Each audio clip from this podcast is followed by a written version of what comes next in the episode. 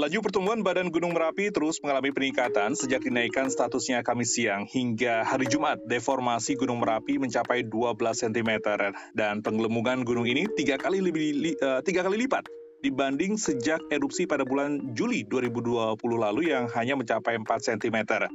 Pengelebungan tersebut terjadi akibat dorongan aktivitas vulkanik di dalam perut Merapi.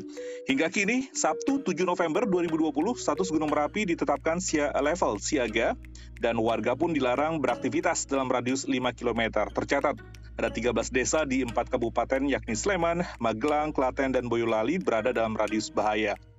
Untuk mengetahui lebih jauh kondisi dan karakter Gunung Merapi, inilah episode 7 Talk Disaster, membaca status siaga Gunung Merapi, dan saat ini saya sudah bersama dengan Pak Hendra Gunawan, Kasubdit Mitigasi Gunung Api, Pusat Vulkanologi, Mitigasi dan Bencana Geologi, Kementerian SDM.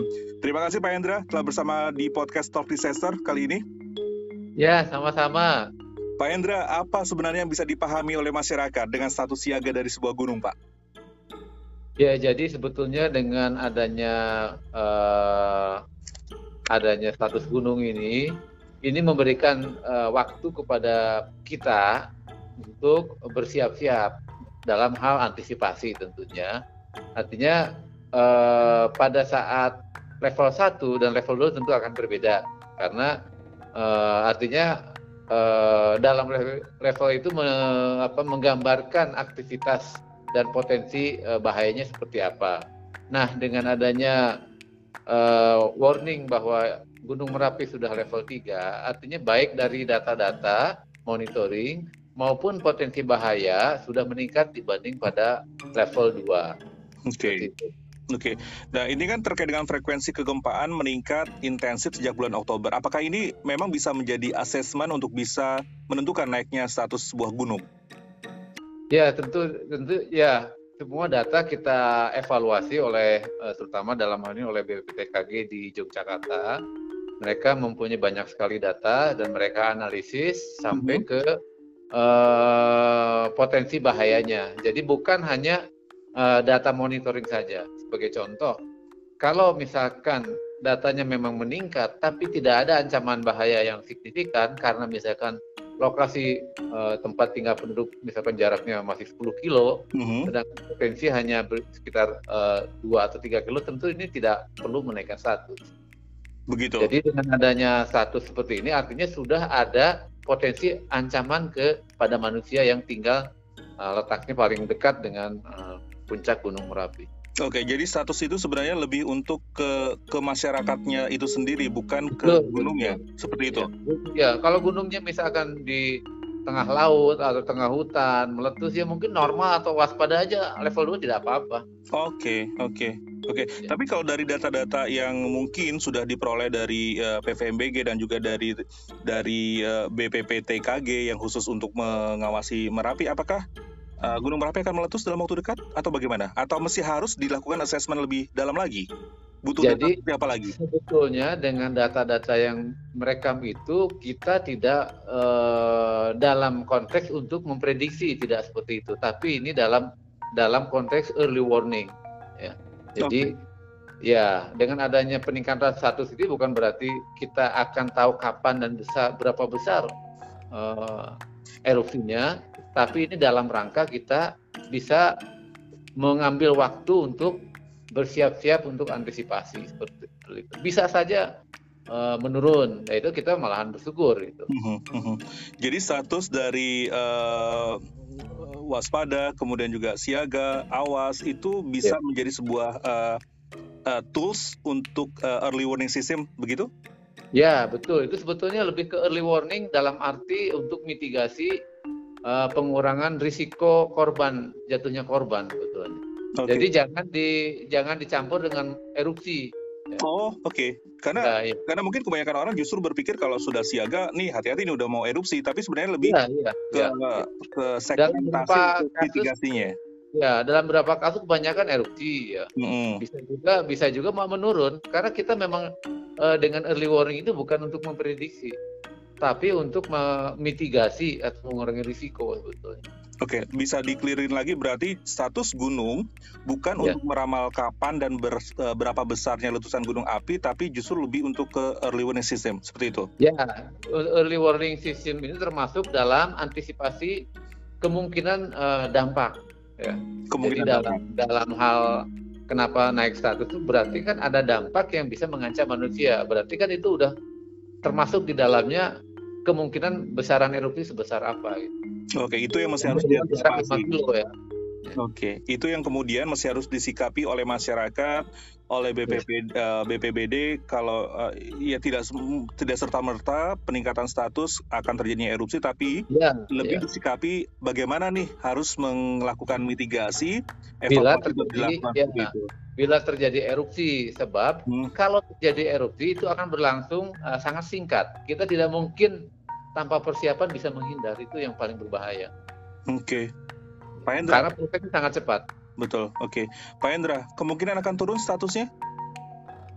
Ya, sebetulnya apa yang akan terjadi ke depan itu bergantung data yang kita rekam sekarang. Nah, hmm. yang data rekam sekarang itu belum berubah dari data berapa tiga hari, empat hari ke belakang belum berubah.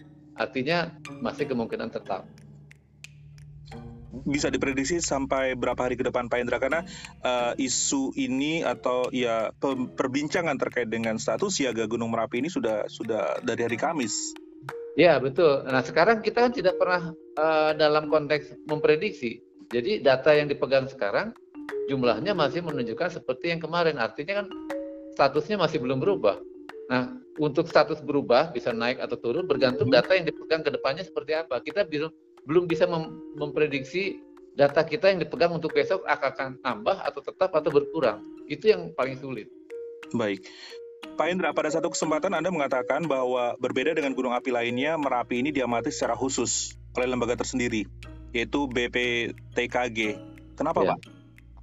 Ya, di sana kan sebetulnya laboratorium ya, pengembangan uh, sistem monitoring atau mitigasi uh, gunung api dan uh, geologi. Uh -huh. Nah, untuk pengembangan itu juga kita lakukan untuk karena kasusnya dekat kantornya dengan Merapi, kita tentu lebih mudah kita dalam apa uh, melakukannya. Tapi selain Merapi sebetulnya dilakukan di gunung-gunung lain juga oleh BPTKG. Oke, jadi memang ada ada kekhususan sendiri atau gimana? Atau memang karakter Merapi itu punya karakter yang berbeda dengan gunung-gunung lain? Ya, memang uh, karakter Merapi itu gunung yang salah satu paling aktif di dunia ya. Oke. Okay. Kebetulan kantor BPTKG di Jogja dekat dengan Merapi yang hmm. mengurusi untuk pengembangan teknologi untuk mitigasi gunung api. Jadi sekalian dilaksanakan di Merapi mudah. Oh, oke, okay, oke. Okay. Uji coba pengembangan sekalian gitu. Di hmm. samping untuk monitoring. Oke. Okay. Pak Hendra, uh, apakah aktivitas Gunung Merapi saat ini yang bersatu siaga akan berpengaruh dengan aktivitas gunung api lainnya di Jawa misalnya? Oh, saya kira tidak ya. Jadi ini memang uh, setiap gunung punya sistem uh, kemakmaannya masing-masing. Uh-huh. Bahkan yang, yang paling dekat aja Merapi Merbabu saat letusan tahun 2010 kan, uh-huh. yang di Merbabu tidak terjadi apa-apa. Okay. Apalagi kalau kita berbicara Gunung Satu Jawa ya, lebih jauh uh-huh. lagi itu. Iya. Tapi Pak Indra, kalau misalkan kita me, be, apa ya menyiapkan skenario terburuk, ini uh, aliran atau efeknya lebih besar ke mana Pak? Ke Seperti yang sudah disampaikan dari BPTKG, jadi ada beberapa kabupaten ya mm-hmm. dari provinsi uh, eh, DIY dan Jawa Tengah yang meliputi mm-hmm. Kabupaten Sleman, mm-hmm. Boyolali, Klaten, Magelang itu yang apa beberapa kabupaten yang harus di diperkirakan dampaknya ke arah sana. Oke. Ada hal yang bisa Pak Hendra mungkin sampaikan ke masyarakat atau pendengar podcast Talk Disaster kali ini. Apa sih masih harus disikapi ketika kita mendengar uh, kata status uh, siaga seperti itu? Ya, artinya masyarakat kami mohon agar tetap uh, meningkatkan kewaspadaannya terhadap tempat tinggal sekelilingnya. Uh -huh. uh, yang berkaitan dengan daerah-daerah bahaya yang uh, tidak jauh dari tempat tinggalnya, serta juga selalu mengikuti perkembangan informasi aktivitas Gunung Merapi.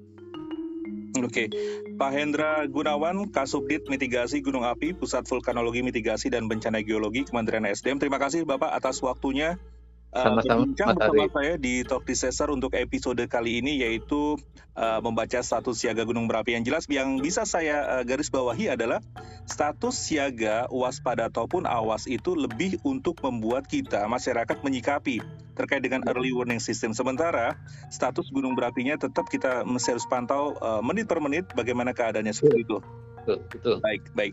Terima kasih uh, Pak Hendra sekali lagi atas waktunya dan baik. Ya.